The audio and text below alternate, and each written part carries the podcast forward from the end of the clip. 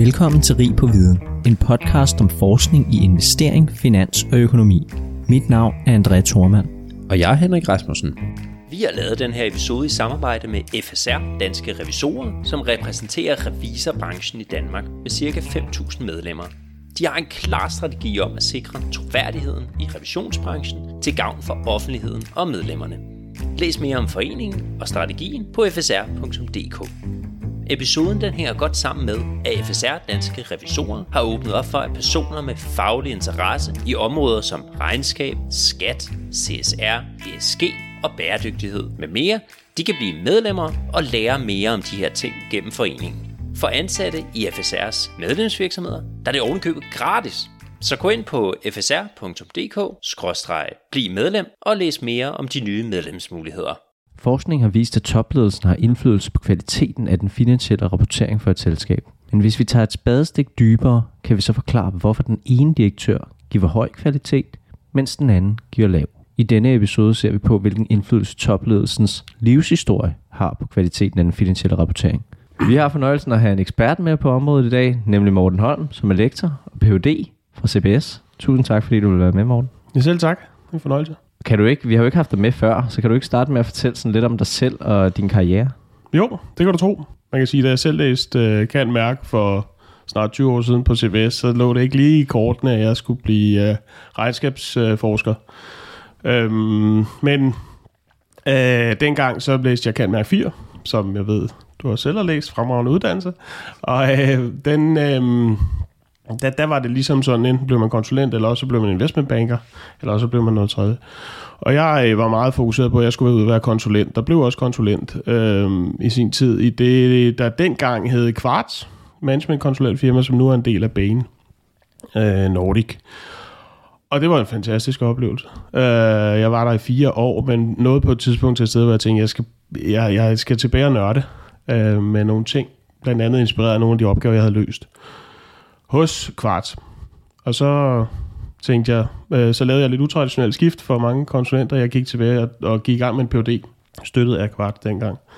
Og, øh, og færdiggjorde så den i 12, og siden har jeg så været ansat på Institut for Regnskab, øh, først som adjunkt, siden som lektor, hvor jeg forsker og underviser. Og hvordan var, fordi at øh, vi har faktisk ikke haft så mange med, som har lavet det her skift, som du selv siger, lidt utraditionelt, og der er jo mange overvejelser i det. Altså, hvordan er det at gå fra jeg tænker, den her lidt højt tempo konsulentverden til måske lidt mere nørdet, roligt, offentlig øh, arbejdsplads, som øh, ja, det jo er at være forsker. Et meget stort skift, og et skifte, som tog lang tid, og sådan tror jeg helt øh, tilpasse sig, og, og forstå måske også implikationerne af. Men øh, man kan sige, det har jo nogle, øh, nogle fordele og ulemper. Det er klart, det er et andet tempo, som du siger. Øhm, men det betyder også, at det, det kan være ens eget tempo, og det kan også være i meget langt højere grad være op til en selv, hvad man beskæftiger sig med, inden for rimelighedens rammer selvfølgelig, og hvornår og hvordan man gør det. Og den frihed, øh, den opdagede jeg, da jeg var færdig med min Ph.D., var enormt, øh, hvad kan man sige, vanedannende på en eller anden måde. Den blev jeg ret øh, afhængig af. Jeg havde faktisk en lille afstikker til erhvervslivet igen efter min Ph.D., men fandt ud af, at det der liv, det bekom mig rigtig vel. Okay. Så, øh, så på den måde, så ja, stor omstilling, meget usædvanlig øh, skifte, men, men, øh, men for mig var det, var det det rigtige. Og det er ligesom, det der trækker, det er ligesom kærligheden for at nørde ned i tingene. Absolut. Altså, det, og det har nok altid ligget i mig, øh, tror jeg. Så derfor har det måske også været godt for mig, hvis man skal sådan lomme, lomme psykologi analysere sig selv, uh, har det nok været godt for mig at ligesom at få øh, den anden vinkel på, og så opleve livet som, øh, som konsulent. Øh, fordi det, det, det har trukket mig i en retning, som gør, at jeg måske ser tingene lidt anderledes, end hvis jeg var gået direkte øh, den akademiske vej. Helt klart. Jamen, det er godt lige at have, have den historie med. Nu skal vi til at tale lidt om sådan din så karriere inden for akademia, øh, fordi at du har jo lavet andet forsket end det her, så kan du ikke prøve lidt at fortælle om, hvad, hvad er det sådan, du har hvad, hvad er det, du har forsket i tidligere, og og hvordan minder det måske også lidt om det, vi skal tale om i dag? Jo, altså jeg kommer... Min PhD handlede om noget ret andet, end jeg beskæftiger mig med nu. Den udsprang jo så, det var måske lidt overgangsperioden fra konsulentlivet til, øh, til akademiske øh, verden. Øh, som, som PhD forskede jeg i kundeværdiansættelse. Så ligesom vi kan tale om, at vi værdiansætter virksomheder, så var jeg meget optaget af tanken om at værdiansætte kunder i en virksomhed, ud fra de samme principper, betragte kunden som et aktiv. Um, og det, det, det kom så blandt andet af nogle projekter, jeg var på, hvor jeg synes, at der manglede nogle værktøjer til at arbejde med, eller til at finde ud af, måske slutte den der, hele den der analyse af, hvad, hvad er en kunde egentlig værd, rent finansielt. Og hvad kan man bruge den viden til i en virksomhed? Så det kan man sige et forskningsområde, som, som var enormt drevet ud af praksis, og et helt konkret praktisk problem øh, inden for det, vi kalder økonomistyring, management accounting området. Øh, altså det, der foregår inde i virksomheden, og de øh, regnskabsmæssige problemstillinger, der er derinde.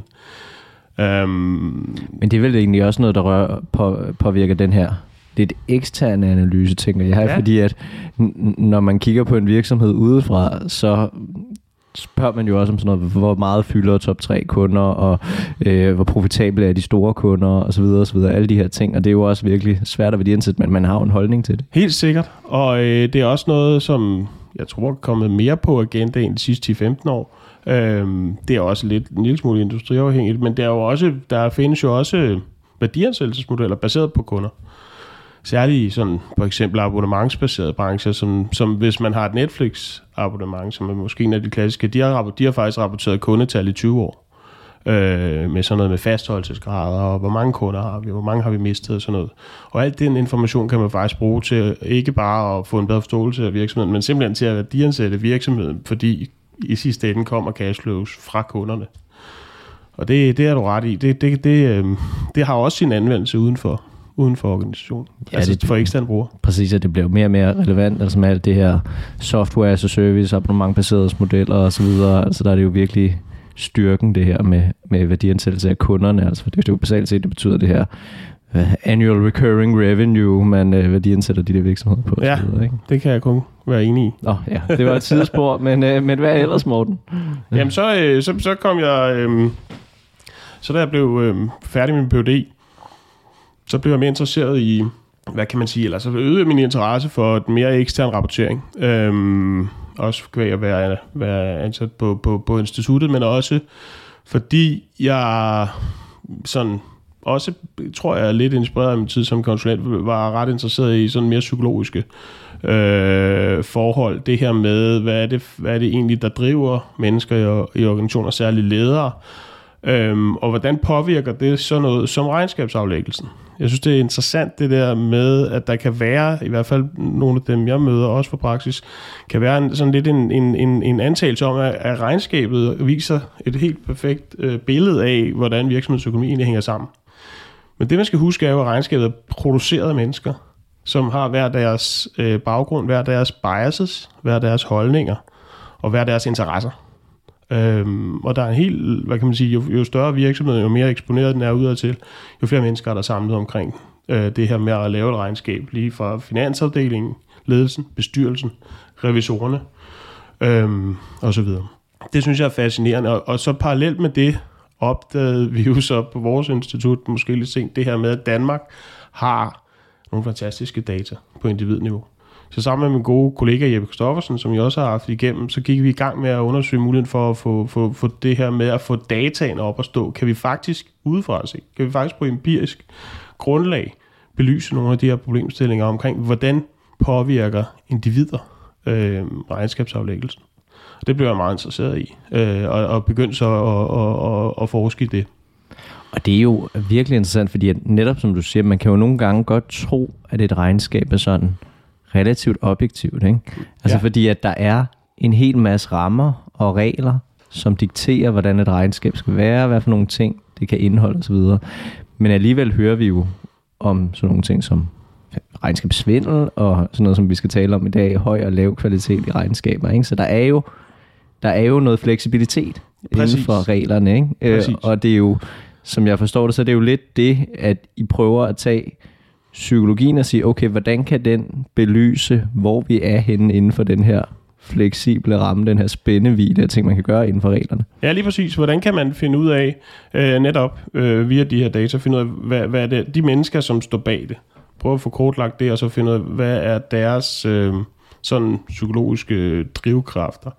Inden for de, med de begrænsninger, der nu selvfølgelig er øh, ved at lave det i, ud fra øh, store, hvad, hvad kan man sige, øh, arkivdata, øh, hvor vi ikke øh, hverken har surveys eller har adgang til nogle øh, af de her øh, mennesker, men hvor vi måske i det store billede kan finde nogle tendenser i forhold til, hvordan tingene hænger sammen. Og lad os lige sådan få, få, få grundlagt sådan emnet, fordi at, hvad ved vi egentlig om, hvor meget topledelsen kan påvirke regnskabet? Så er en finansafdeling og sådan nogen, der laver det, men, men hvor meget kan CEO, CFO påvirke, hvad der kommer til at stå? Ja, det er et super godt spørgsmål. Jeg vil, at, at man kan starte med at sige, at vi ved ufattelig meget mere, end vi gjorde for 20 år siden. Uh, det er en relativt... På grund af dig, ja, selvfølgelig. Nej. okay. Desværre. Nej, på grund af, på grund af, jeg tror, hvad kan man sige, flere ting. For det første, interesse, altså, regnskabsdisciplinen øh, har jo også traditionelt hvilet på den her neo økonomiske tankegang om øh, omkring øh, eller neoklassisk økonomisk tankegang om øh, det, økonom, øh, det rationelle økonomiske menneske, homo economicus, agent, rationelle agenter, risikoverse agenter, som kan drives via incitamenter, og som er nogenlunde ens deres præferencer osv.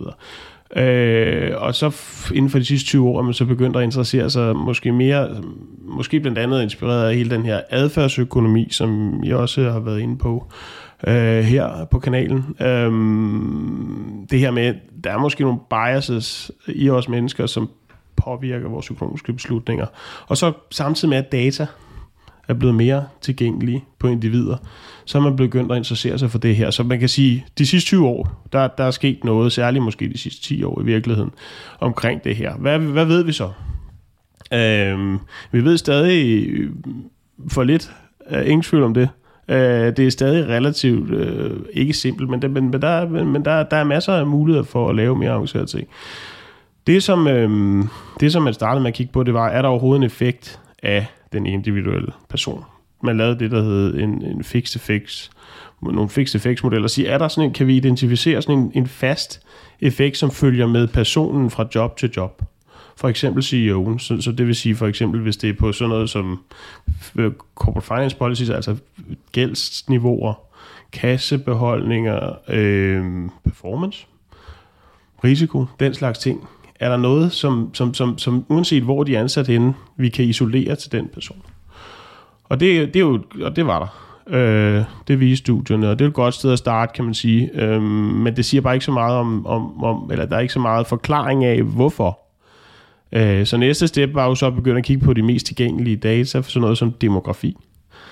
Øh, køn, bare for at tage et eksempel. Kvindelige CFO's øh, er de mere konservative end mandlige CFO's.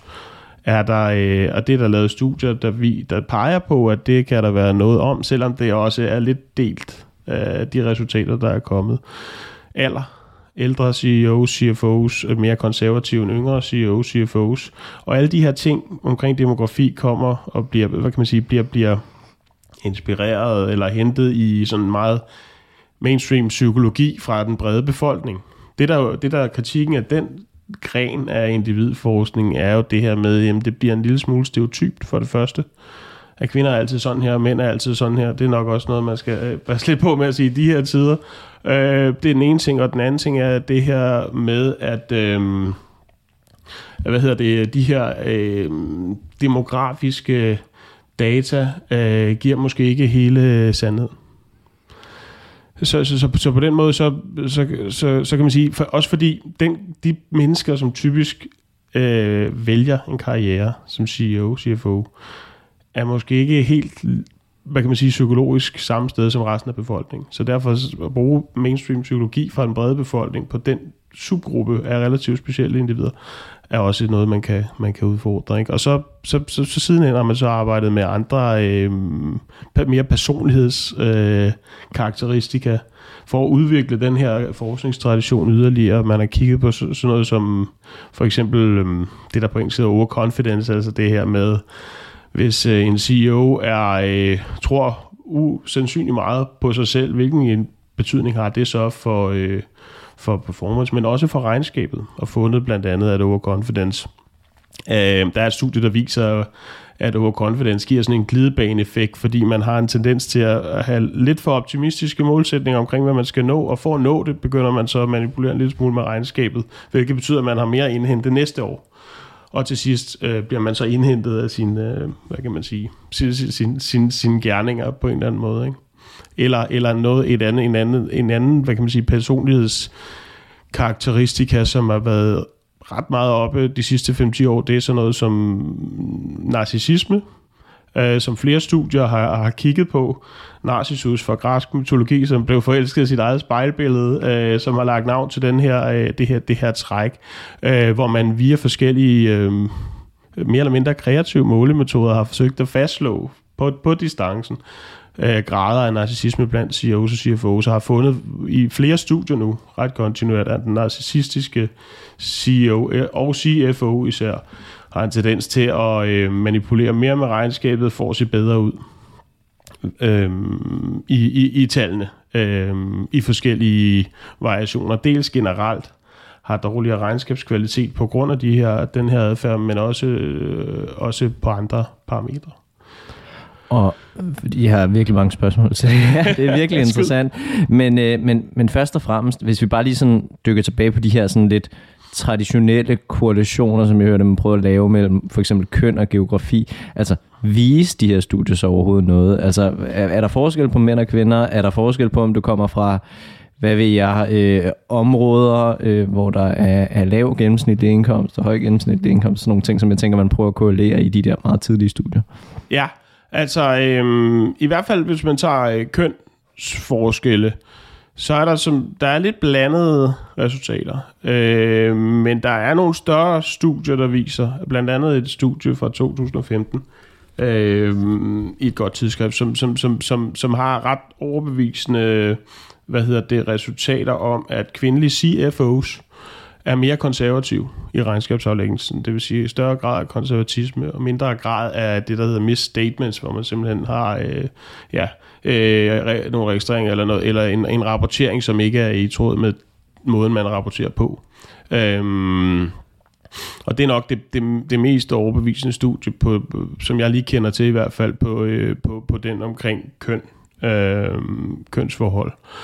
Øh, alder er også øh, kigge på noget omkring tenure, også det med, hvor længe har du været CEO, øh, ser også ud til at have en betydning. Det er der også øh, nogle større studier, der viser, at øh, når du hvad hedder det, når du tiltræder, er der større sandsynlighed for, at du manipulerer med regnskaberne.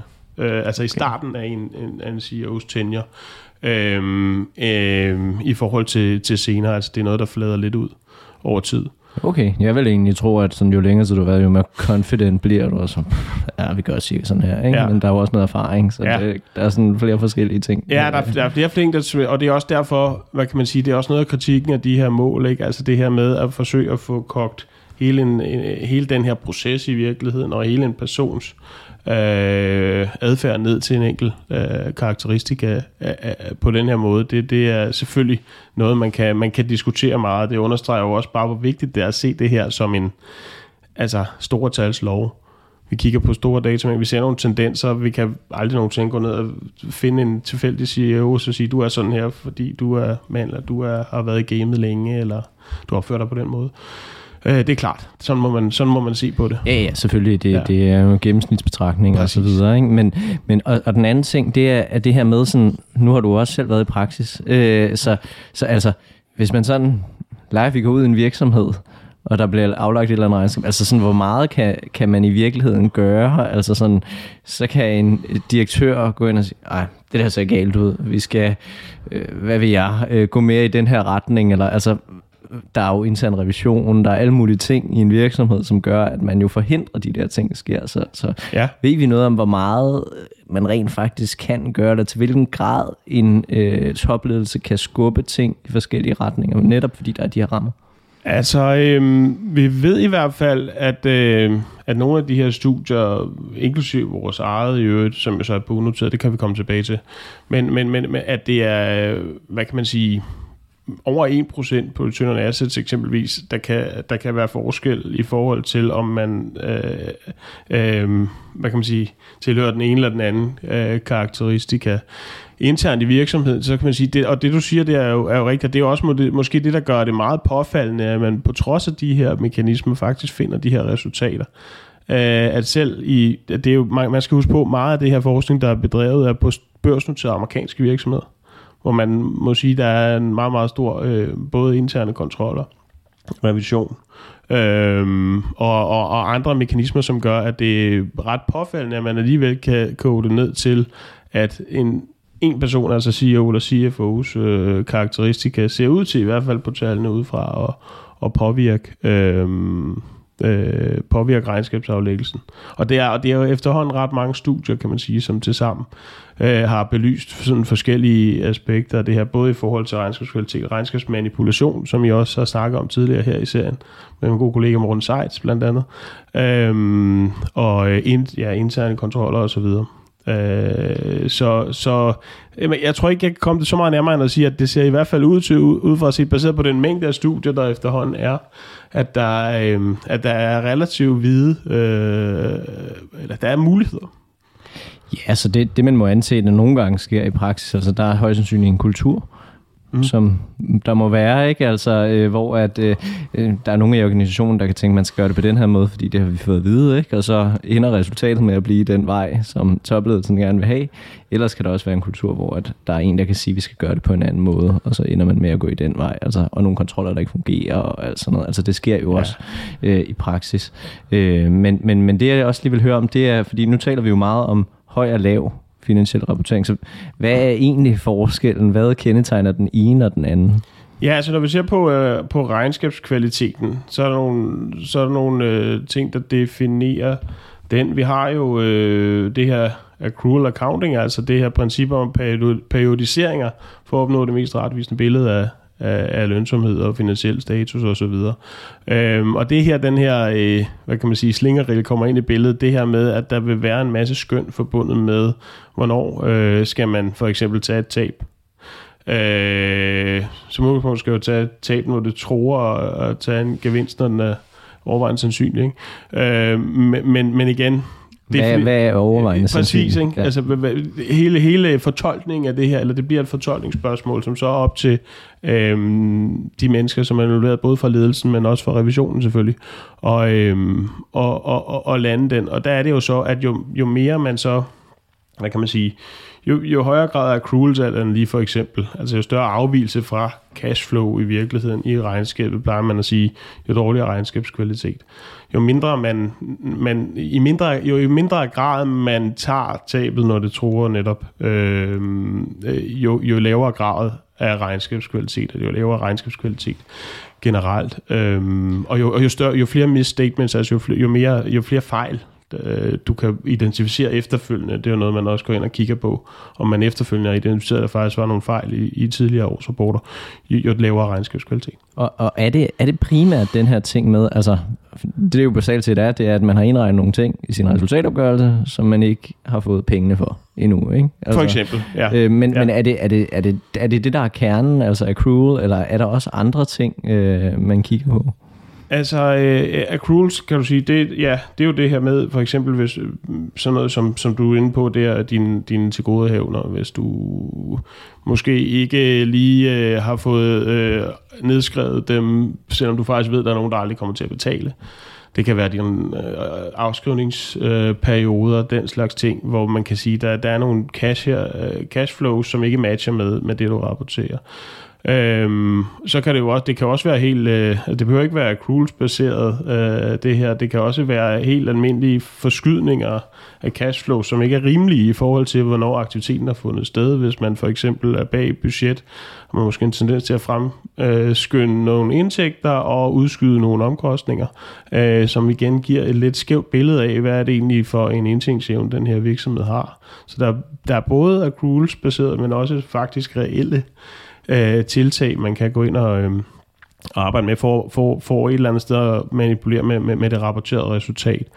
Øhm, og så kan der jo også være fejl, der opstår. Øh, der kan også være altså, fejl skøn, men også simpelthen fejl, øh, som senere efterfølgende skal rettes øh, i, i, øh, i, i årsrapporten. Øh, eller gøres opmærksom på, at man skal have rettet i årsrapporten, som er med til at nedbringe øh, kvaliteten.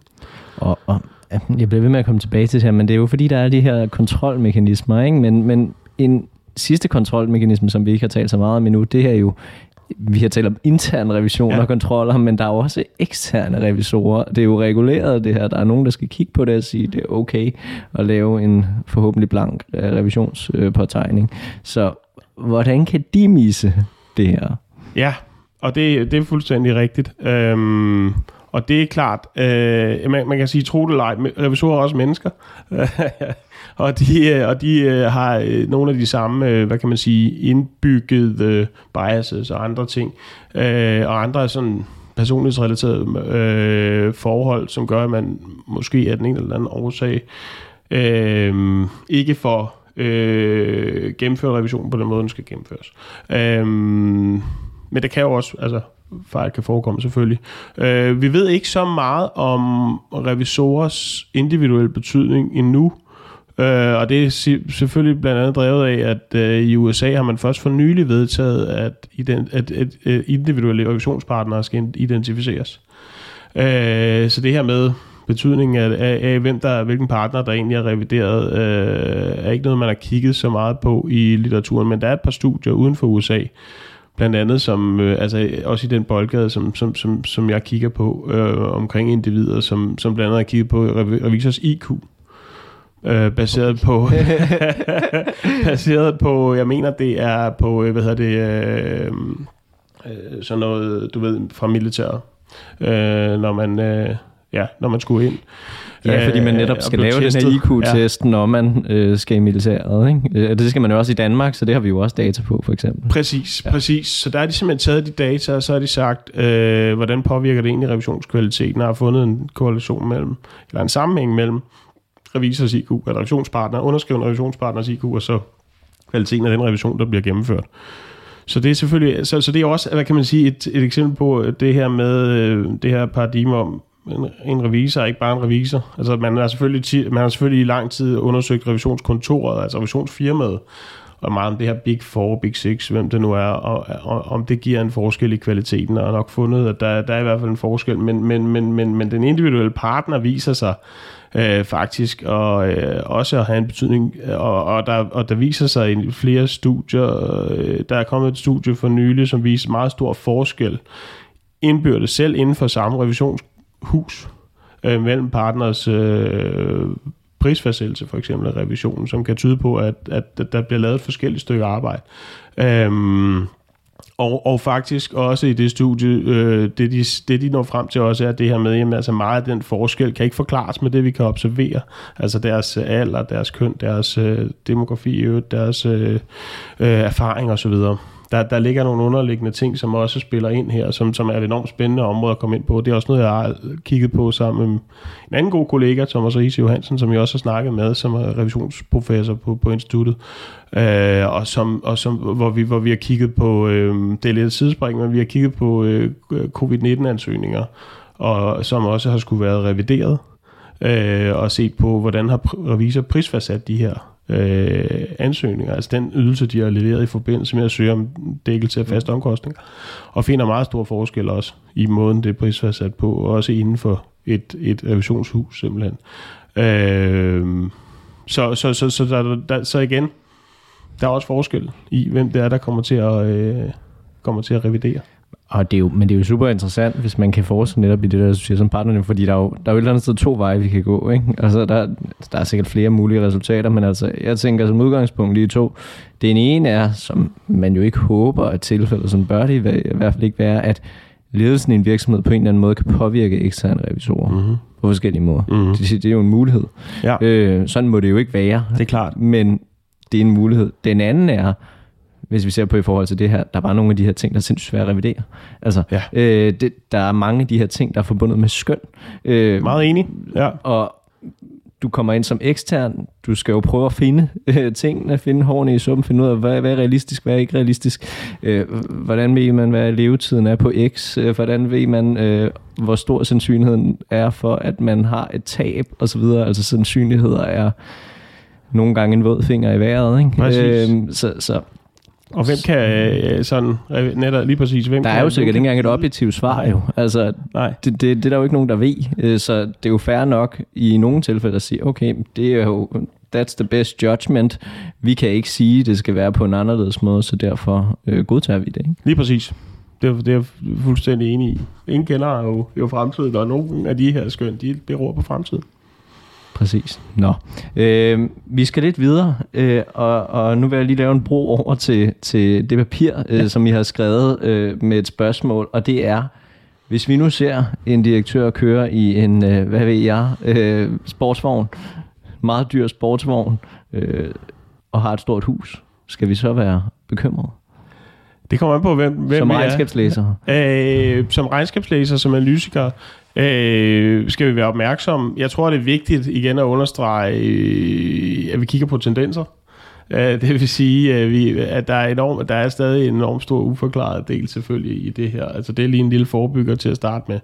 Men, men jeg tænker, at grund til, at du spørger, er, at det er jo øh, blandt andet er det, øh, vores, øh, vores paper handler om, det her med øh, livshistorie, og hvordan, hvordan øh, livshistorien, som vi bærer med os, øh, påvirker vores adfærd i voksenlivet, og at der øh, som følger af nogle af den livshistorie, vi har, øh, kommer noget adfærd blandt andet omkring impulsivitet, status øh, og øh, risikovillighed, som, øh, som varierer. Og, og der kan man sige jo, at nogle af de her ting, som du nævner, er jo nogle ting, som har været symboler på, øh, også har vi været vist i tidligere forskning, som, som, som har, har symboliseret og været proxyer for øh, blandt andet risikovillighed, det her med at søge sensation og søge øh, et rush, øh, som, som, som, har på, så, som har været et udtryk for, dem der, dem, der har kørt i de her biler, dem, der har ejet de her huse, har måske gået lidt mere til grænsen, når det kommer til det her med øh, blandt andet at skønne om, om fremtiden, eller at, og, øh, hvad kan man sige, få regnskabet, eller hvad kan man sige, foretage nogle skøn, som gør, at regnskabet ser ud på en måde, som måske er lidt lavere kvalitet, men til gengæld kommer personen til gode i en given situation. For eksempel, hvis man skal have et lån i banken, eller hvis man står over for at skulle øh, rapportere et, øh, et lidt halvkedeligt øh, kvartalsrapport, eller, eller andre ting. Præcis, og det var netop det, jeg ville ind på, og nu vi skal nok gå dybere i det, fordi. Ja. altså, du har jo skrevet det her papir sammen med øh, Melanie Feldhaus øh, om, ja, som hedder CEO, Life History, Strategies and Financial Reporting Quality. Og øh, kan du ikke prøve at starte med bare lige sådan at fortælle om, hvorfor valgte I at skrive det her? Så Jo. jo. vi talt lidt om det selvfølgelig overordnet, ikke? men altså, hvorfor lige life history, Ja. for eksempel? Det er et godt spørgsmål. Øh, og det er jo, hvad kan man sige, det var meget inspireret af, at jeg tid, sådan, tidligere efter mit PhD blev ret interesseret i evolutionær psykologi og evolutionsteorien, som jo er noget af det allersmukkeste, der overhovedet findes i hele videnskab, synes jeg. Øh, og, og, og, og inden for evolutionsteorien, der har man den, det her framework fra evolutionær biologi omkring life history øh, theory, som jo egentlig er, er gældende for, øh, for, for alle organismer. Men, ja, men det kommer faktisk fra en bog, der hedder The Rational Animal, øh, som to evolutionspsykologer, Bob Kendrick og Vlad Griskevicius, øh, har skrevet, um, som, som inspirerede mig enormt meget. Um, Rational Animal med sådan en slet skjult reference til Aristoteles uh, begrebet omkring rationalitet som det, der adskiller os fra dyrene, altså mennesket fra dyrene. Men hvor de her to uh, herrer her, professorer, griber det an lidt fra en anden vinkel og siger, ja, øh, vi er rationelle, men vi er også stadig dyr. Vi er, vi er stadig udstyret med en primathjerne, som er over 100.000 år gammel, og som i langt størstedelen, eller flere millioner år gammel i virkeligheden jo, men i langt størstedelen af den tid, hvor den menneskelige race har eksisteret, der vi levede på sletten i små grupper og jagede, og har haft et, et ret øh, specielt defineret liv, hvor vi var øh, i enorm fare. Livshistorieteori går så ind og siger, Øh, øh, øh, før det vil jeg sige, det, jeg synes, det er enormt fascinerende, det der med, at vi bringer det der med os. Altså, den her moderne æra, vi er i nu, er et lille blip hele evolutionens tidsserie. Det er jo det, man skal huske, at vi på den måde har en, en hjerne, som ikke har udviklet sig sådan synderligt meget, og derfor bærer nogle af de her biases med, som vi snakkede om tidligere. Det er i virkeligheden hovedbudskabet i den bog at det kan godt være, at vi taler om i adfærdsøkonomien, for eksempel, at vi er udstyret med en række biases, men der er faktisk tale om en dybere rationalitet, at de ting, nogle af de biases, vi har, er faktisk øh, linket tilbage, eller der er en god forklaring på, hvorfor vi eksempelvis er mere bange for at tabe, end vi går efter at vinde, altså det her loss aversion i adfærdsøkonomien, jamen det er fordi på sletten, hvis du tog en chance, og du tabte, så, så mistede du livet. Ja, I dag mister du nogle penge, men dengang mistede du livet. Og derfor var det lidt vigtigere at undgå at miste livet, end at gå efter måske den helt store gevinst. Og det slæber vi med, den slags. Og det synes jeg er enormt fascinerende. Og det var det, der ledte mig på sporet, eller ledte også på sporet af den her life history uh, theory, som er et, som sagt et framework inden for evolutionær psykologi, hvor man, hvor man netop går ind og siger, Øh, og det gælder sådan set hele naturen. Alle organismer er indrettet på den her måde og siger, jamen altså, jo større modgang, og jo større usikkerhed og uforudsigelighed du møder i din barndom eller din opvækst i den tidlige år, jo mere risikosøgende, impulsiv og jo mindre selvkontrol vil du få, øh, når du bliver ældre. Og så kan man sige, at det lyder da utrolig upraktisk. Ja, det gør det, hvis du lægger, anlægger vores moderne øh, hvad hedder det, øh, syn på det her. Men hvis du lever i en verden, hvor, det, hvor usikkerhed og uforudsigelighed og modgang handler om naturkatastrofer, øh, barnedød eller krig, andre ting med, med nabostammen og så videre, så handler det altså om, at så den her type adfærd faktisk enormt øh, værdifuld, fordi det, det giver dig, øh, det gør, det at du tager flere chancer at agere med impulsivt, gør, du faktisk har en chance for at få sendt generne videre, inden det er for sent. Og det, og, det er, og det er sådan set grundtanken i, i Life is, hvis man skal sige det lidt enkelt. Det her med, at vi, vi, vi, vi, vi, bliver, vi tager imod de der, hjernen tager imod de her impulser i opvæksten, og så indretter man sin adfærd efter det i voksenlivet, som selvfølgelig i kernen af, af, af evolutionstankegangen handler om reproduktion. Det her med, at man er nødt til at tage nogle chancer, man er nødt til at komme ud over stepperne, man er nødt til at leve lidt in the fast lane, hvis man ikke kan være sikker på at, uh, at være her efter vinteren for at sige det sådan lidt på den måde. Og det, og det igen, det er ikke et problem i dag på samme måde, men vi har det med i bagagen. Øh, og det, at det kunne påvirke, eller spørgsmålet om, hvorvidt det påvirker beslutningstager i organisationer, som vi rent faktisk kan se et øh, udfald af i regnskabet, det fascinerer mig. Ja, så der er et eller andet, der måske, nu kommer vi til resultaterne, ikke, der kan tyde på, at til trods for civilisation og alting, så er kultur. der præcis kultur, så er der stadig noget, der hænger fast fra øh, vores sådan lidt mere dyriske tilværelse tilbage i, hvad vi er, bundestenalderen eller, eller lignende. Ja, eller længere, længere tilbage, ikke? altså urtiden i virkeligheden. Ikke? Øh, Instinkter, den ja. slags. Ja, som påvirker, til synligheden påvirker vores, vores adfærd. Øh, og som der jo også er en meget, altså det er en meget, meget veletableret teori i biologien, life history theory. Og igen, det er jo ikke kun mennesker, det er hele naturen. Altså i den ene ende har du øh, kaninen, det er et meget godt billede på det, som er enormt presset, ja. som, som, som art ude i, ude i det vilde. Ikke? Altså, der er mange fjender, der er meget uforudsigelighed, der er enormt meget modgang. De får rigtig mange unger, og de får det rigtig hurtigt, og de får det rigtig tidligt. Og så har du elefanten i den anden ende, som ikke rigtig har nogen naturlige fjender, og som derfor kan bruge mere energi. Altså det er jo hele tiden et, et optimeringsgame. Det er lidt ligesom økonomer. Vi, vi skal, som organismer skal man optimere energiforbruget. Og derfor kan elefanten investere mere energi i at udvikle sig, sine somatiske øh, øh, hvad kan man sige, øh, øh, faktorer, og, og på den måde få færre eller mindre afkom, men, men, men stærkere afkom. Og, og det her, det er jo ekstremt tværfagligt. Altså, ja, det må man sige. Det, det, det sker ikke så tit i, øh, i podcasten her, at vi har en sekvens på fem minutter, øh, hvor vi taler om noget, som slet ikke har noget med regnskab at gøre. Det er jo psykologi.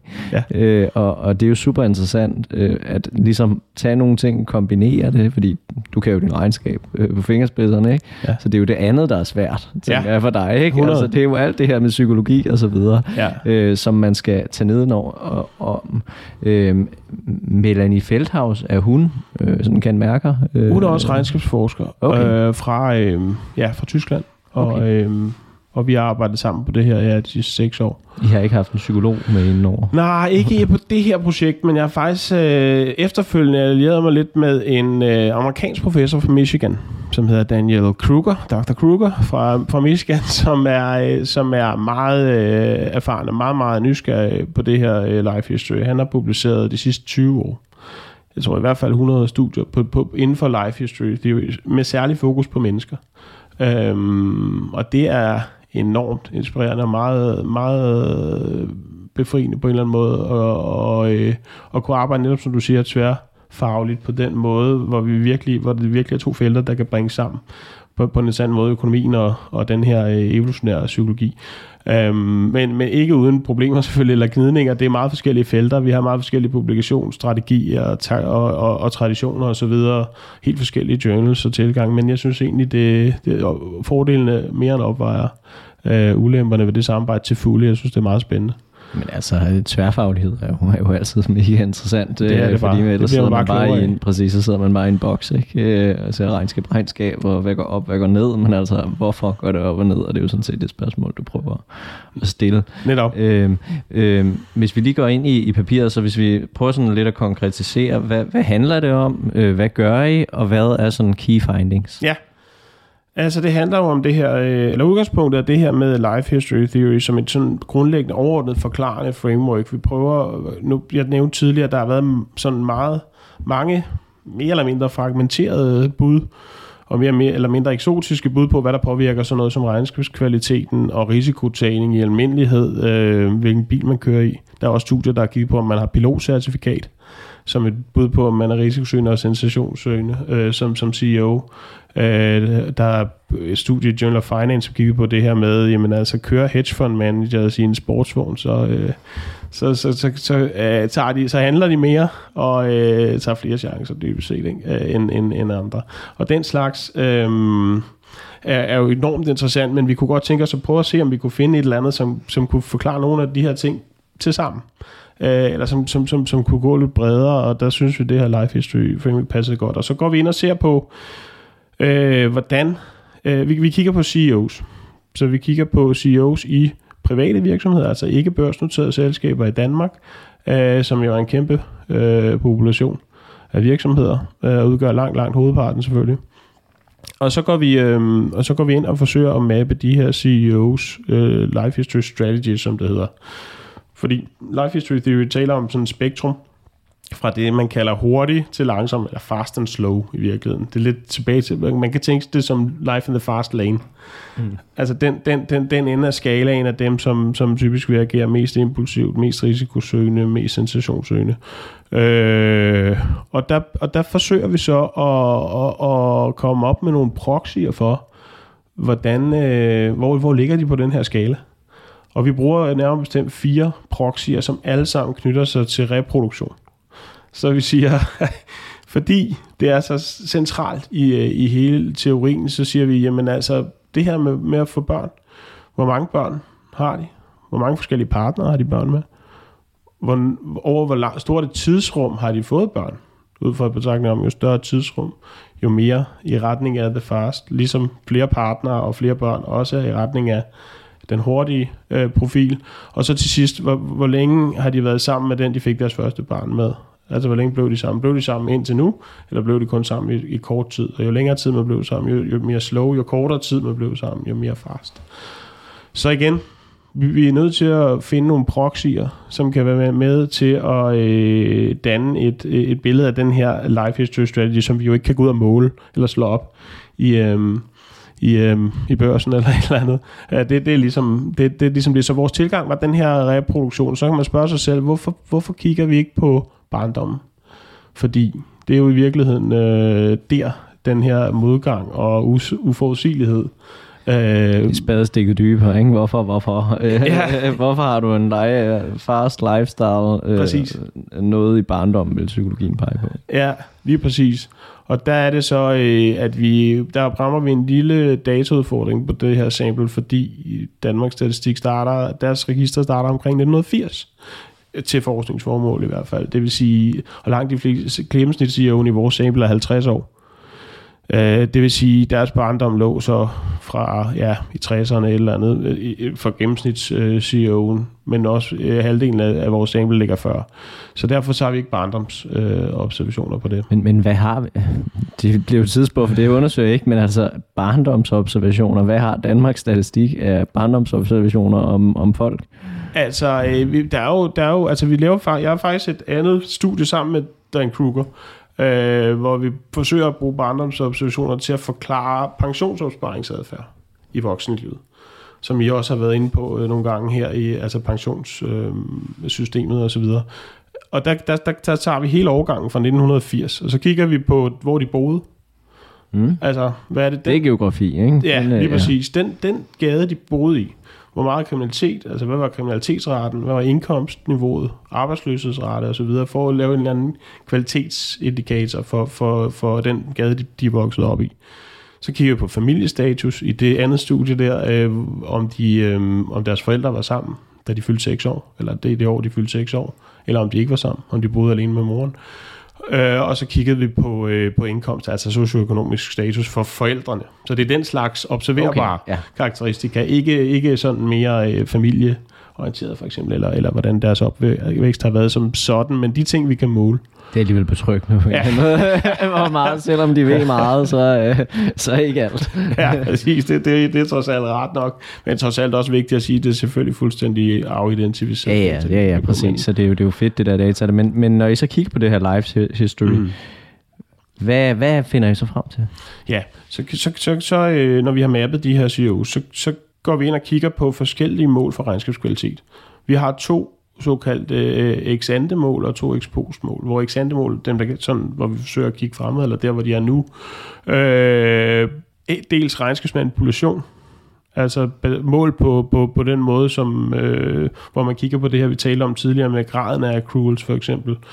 Øh, og, og, og så, øh, og, men også regel af aktiviteter. Øhm, og så den anden ting, det er, øh, hvad hedder det, øh, det her forsigtighedsprincip, altså graden af konservatisme, eller conditional conservatism kalder man det. Tager man et tab, når det truer, eller på hvilket tidspunkt tager man et tab? Og det er der forskellige modeller til. Det er jo noget af det, regnskabslitteraturen buner over med.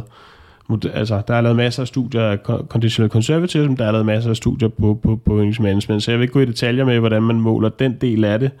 Men, men der finder vi, at, øh, at og der er vi jo så nødt til, fordi vores setting er, hvad den er, vi er i private virksomheder, som har et meget, meget bred, bred spændvidde i forhold til, øhm, øh, hvad, hvad, hvad, hvad, virksomheden egentlig har af interesser, og, og hvad de har af hensigt. Ikke? Øh, hvor et- på børsmarkedet, der har du totalt nogle aktionærer, og du skal totalt rapportere øh, på en bestemt måde og til en bestemt gruppe. Her der, der er jo nogen, der har gæld, der er nogen, der ikke har gæld overhovedet. Øh, hvis du ikke har gæld, og ikke så- og har sådan rimelig få øh, langvarige supplier-relationer og den slags ting, så har du måske ikke, og en ejer måske, så har du ikke de store årsager til at gå særlig meget op i, hvordan dit regnskab egentlig ser ud, for der er ikke rigtig nogen, der kigger på det. Så derfor så er vi nødt til at finde nogle situationer, hvor, hvor det rent faktisk betyder noget, hvor der er noget på spil. Så vi har kigget på øh, de tidspunkter, hvor øh, virksomheden har brug for ny gæld, for eksempel. Som et definerende tidspunkt for, hvornår der er en, et incitament til at gøre et eller andet, i forhold til at få regnskabet til at se ud på en bestemt mm. måde. Så det er det, vi har undersøgt, og der vi finder, at de øh, CEOs, som er øh, fast, altså vi måler det på et, på et, på et øh, spektrum, men, men dem, som er til den, til den hurtige side, er mere tilbøjelige til at øh, manipulere øh, overskuddet opad, og er mindre tilbøjelige til at tage tabet, når det tror øh, end, end, end dem, der er mere slow. Og vi kan faktisk se øh, netop på, på sådan noget som regnskabsmanipulation, der viser vores resultater, at hvis du sammenligner øh, dem, der ligger i den ene ende af skalaen med dem, der ligger i den anden ende af skalaen, altså helt ude i yderpunkterne, så er det over, eller så er det sådan cirka halvanden procent på return on assets forskel. Okay. Så det, så det er... Procent på ingen, eller hvordan? Procentpoint, ja. ja. Procentpoint, undskyld. Procentpoint. Så, så, så det er jo betydningsfuldt, uden at være sådan helt urealistisk højt øhm, til synlædende. Det er den ene, så det er den ene side af det. Og så, den, og så de her ekspostmål, det er jo sådan mere, det er jo ting, der er sket, hvor man kan gå tilbage og se, øh, okay, har de for eksempel misreportet, det er meget brugt i amerikanske studier, for der har du rent faktisk data på det der, som er let tilgængeligt. Det har vi ikke på samme måde i Danmark, så vi var nødt til at være lidt kreative om at finde nogle andre måder at måle det på. Så vi har, for det første kigget vi på øh, forbehold for revisor.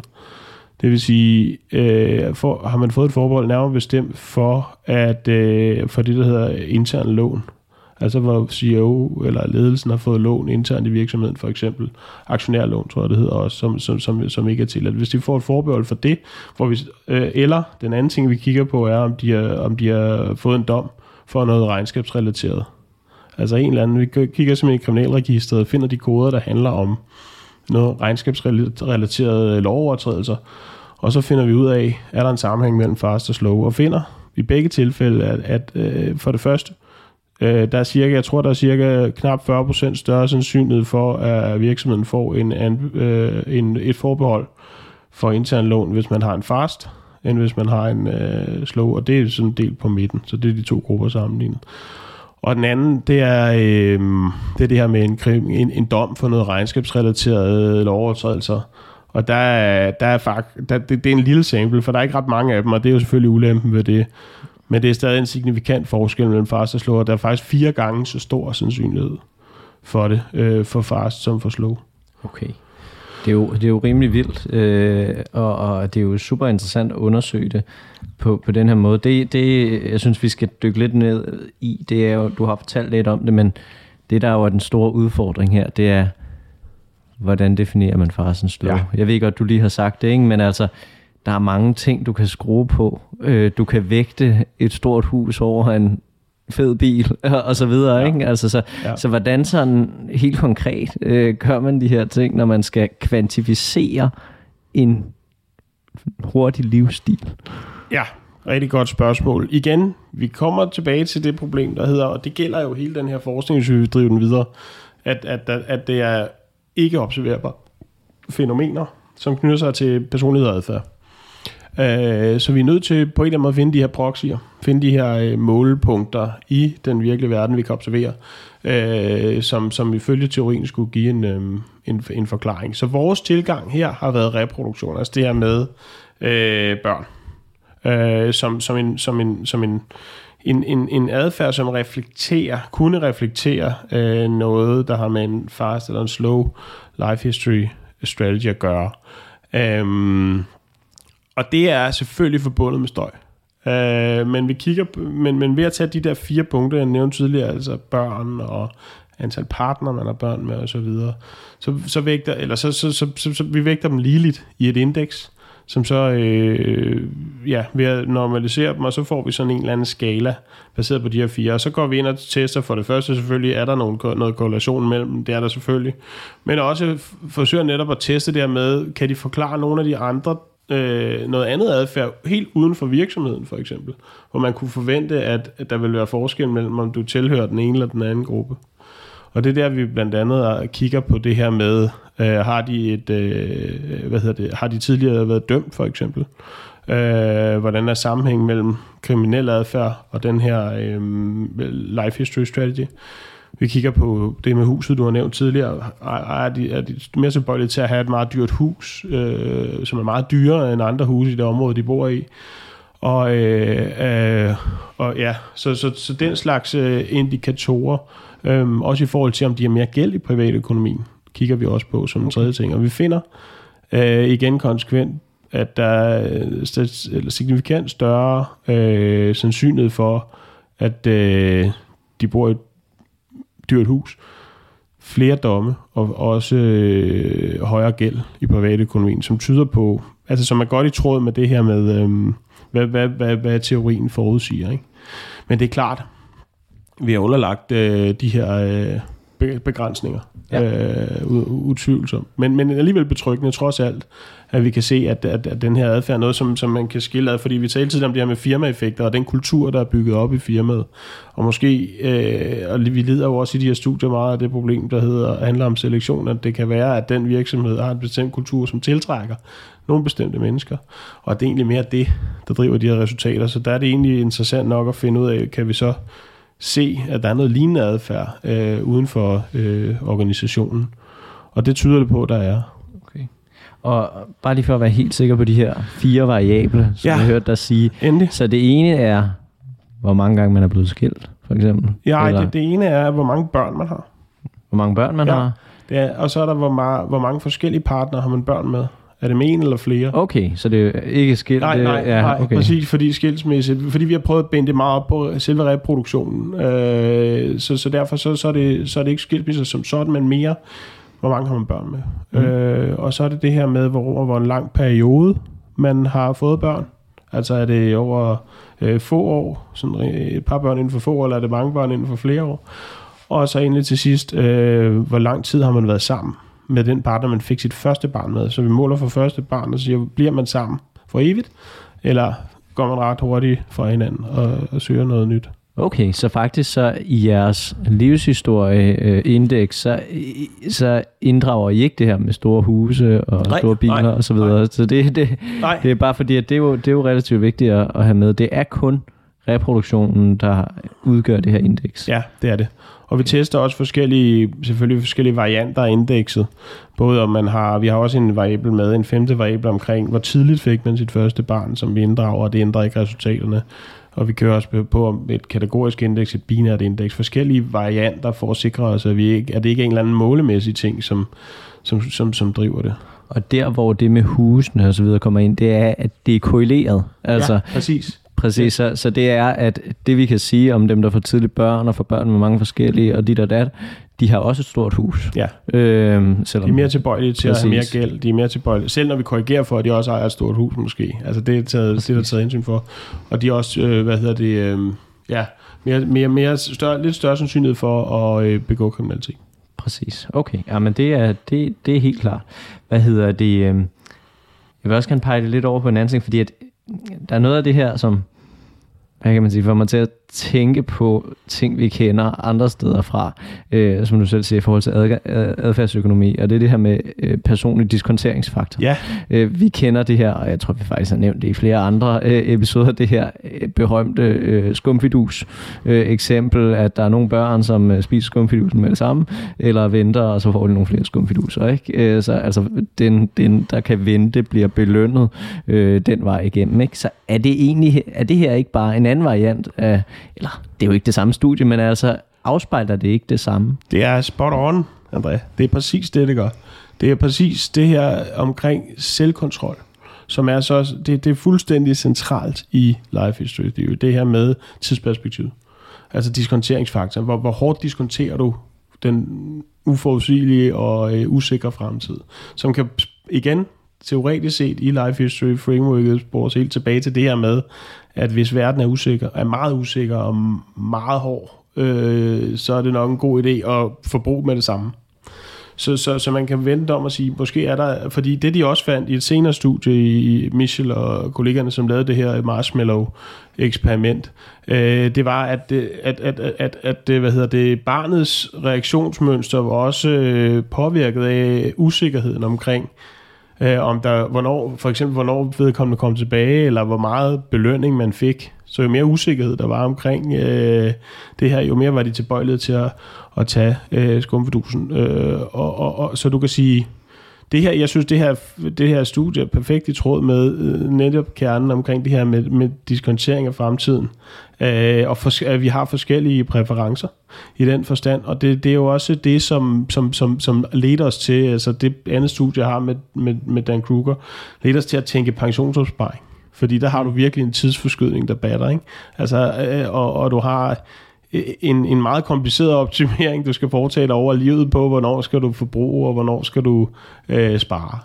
Og, øhm, og, og, og der finder vi jo også, at, at netop at det her med, med barndom som en indikator for life history, strategierne, det, påvirker, det ser ud til at påvirke, hvor meget man sparer op i voksenlivet. Altså når man når op i 30'erne, slut 30'erne, hvor meget sparer man op til pension, hvor dem, som har en mere øh, fast øh, profil, sparer mindre op, end dem, der har en mere slow profil. Og det tilskriver vi den her det her med selvkontrol, for det var også noget af det, til, jeg tror Taylor blandt andet pegede på omkring hele den her klassiske økonomi, økonomiske tilgang, tilgang til pensionsopsparingsproblemet, at det er altså, en ting er, at man for det første skal kunne, styr, kunne, kunne løse sådan et optimeringsproblem, men den anden er, at du skal også have selvkontrol til at eksekvere det. Og den varierer. Og, og, og den hævder vi så, øh, at, at der er en, en evolutionær forklaring på, hvorfor den varierer, og hvordan den varierer. Og, og så hvis vi prøver at binde sløjfen på det, kan man sige, så, så en ting er, som den logiske slutning må være, det, det er barn. Nu har vi jo ikke barndata, men hvis vi havde lavet eksperimentet på de her direktører, eller de her personer, der skulle spare op til pension, det er barn, som tog skumfidusen med det samme, er dårligere til at spare op til pension. Spare i hvert fald mindre op, for, og, og øh, vil vi sige alt andet lige øh, på en bred population, øh, vil øh, prioritere forbruget her nu mere, lidt mere end, end, end, end deres peers, øh, sammenlignelige peers rundt omkring. Og vil få tidligt børn ville få børn med mange forskellige partnere Yes. og så videre, og deraf ville øh, ja, have en øh, mere øh, hvad kan man sige, optimistisk regnskabsaflæggelse eller lavere regnskabskvalitet, øh, hvis vi kæder den Det helt er, sammen. Ikke? yes, det er det, det, det, det er vores øh, resultater viser. Og øh, det der så er mit spørgsmål, fordi at, øh, så vidt jeg husker de der studier, så en af de ting, man fandt med de her børn, som tog skumfidusen med det samme, var jo, at de havde en meget, hvad kan man sige, dårlig øh, fremtidsudsigt. Altså, de havde større øh, øh, øh, sandsynlighed for at blive kriminelle, eller øh, hvad ved jeg, øh, ryge ned i en, øh, få lavere indkomst osv. osv. Ikke? Så de her mennesker, som vi undersøger her, har jo nået, til trods for, at nogle af dem har lav regnskabskvalitet, har jo nået toppen. Ja. Så kan vi sige noget om, og det er jo et super spørg- svært spørgsmål, men hvordan det kan være, at de mennesker, som har en hurtig livsstil, som de fleste ting peger på, måtte klare sig dårligt i livet, alligevel har klaret sig rigtig godt.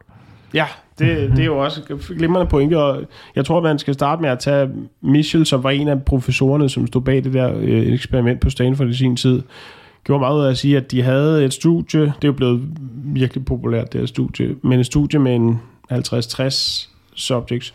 Det, var, det, er meget, det er en meget lille øh, sample, man har trukket måske nogle meget store linjer på. Men man kan sige, det du siger i forhold til, så det, så det skal man ligesom huske. Men, men, men hvis man ser på CEOs, det er jo selvfølgelig en, også en, en ret, ret bred skare, når vi tager øh, vores øh, population, eller vores sample af unoterede virksomheder. Men øh, selv det er det jo netop, som du siger, en gruppe, som har nået det, øh, som har nået noget, øh, som ikke mange når. Og, og det, det, der vil jeg så vende om at sige, jamen så har vi jo også en gruppe, som er mere homogen end samfundet som helhed. Og derfor er det ekstremt interessant, at vi alligevel kan se, at der er de her forskelle. Øh, men jeg tror, det der med, om man klarer det bedre og dårligere, eller dårligere, altså man, om man kommer et bedre eller dårligt sted hen, den tror jeg, de flere gange har nuanceret lidt i det her med, med, med, med, med, med marshmallow-test-studiet. Øh, i den retning, at man siger, jamen altså, det, det, det er måske ikke så normativt, men det er måske mere et spørgsmål om, at der er forskel at der er forskel på, hvordan man øh, griber tingene an, og så kan du sige, så er der, så er der måske en, en større varians i, hvor man havner henne i samfundet, blandt dem, som er fast, end blandt dem, som er slow. Og det vil sige, at nogle af dem kører helt øh, til tops, og nogle af dem kører altså også helt til bunds. Og så, så, så, så, så det er der også nogen, der, der har kigget på. Og så, og så kan du sige en anden ting. Det med at tage risiko er jo trods alt også relativt værdifuldt for en topleder. Altså, du skal, det, det, der er nogle aktionærer, som også gerne vil have en eller anden niveau af risikovillighed for at, at påtage sig nogle projekter, som måske kan kaste noget stort af sig. Øh, og derfor er det også en faktor, som egentlig kan være, øh, altså, kan, kan, kan, kan, sådan set kan være gavnlig, lige præcis i det erhverv. En anden ting, som, og det har jeg ikke undersøgt endnu, men som jeg synes er interessant, det er det her med, om det også fører til større innovation. Netop det der med, altså der er eksperimenter, der viser, at farsprofilen også hurtigere øh, dropper et projekt, som de kan se ikke rigtig virker, og prøve noget andet. Så det der med iværksætteri for eksempel, er der en sammenhæng mellem det her med, øh, som, som vil, jo vil være en fantastisk interessant historie, synes jeg, Og og dykke nærmere ned i. Er der en sammenhæng der mellem innovative øh, kompetencer og iværksætteri, og så det her med at have en bestemt livshistorisk strategi? Det har vi ikke undersøgt endnu, men det kan være, at vi, vi gør det på et tidspunkt. Der er mange muligheder, men det er i hvert fald fedt ligesom at få den der knude på mellem, at der er også det her helt almindeligt, må vi sige, i, i økonomi-perspektiv omkring risk and return. Ikke? Ja, altså, det må man bare sige. øhm, så, så hovedreglerne stemmer stadig. Fuldstændig. Jeg har egentlig ikke øh, så mange flere spørgsmål, Morten, så er der noget, du vil tilføje her til sidst, du synes, vi mangler at have Jeg synes, vi har været super godt rundt. Øh, det, er, det er et felt, som er byder på en masse interessant øh, forskning, også i tiden fremover. Vi har kun lige skrabet overfladen, så øh, lad, os, øh, lad os håbe, at der kommer mange flere spændende studier fremadrettet. Vi glæder os til at, at følge med i hvert fald, og tusind tak, fordi du vil være med, Morten. Det var så lidt. Selv tak. Tak for, at du lyttede med til Rig på Viden. Jeg håber, at du lærte noget, og hvis du nu synes godt af vores podcast, så kan du støtte os ved at følge den på Spotify eller skrive en anbefaling på iTunes. Inde på LinkedIn, der kan du følge André Thormand, Benjamin Somofen eller Henrik Fode Rasmussen. På genhør.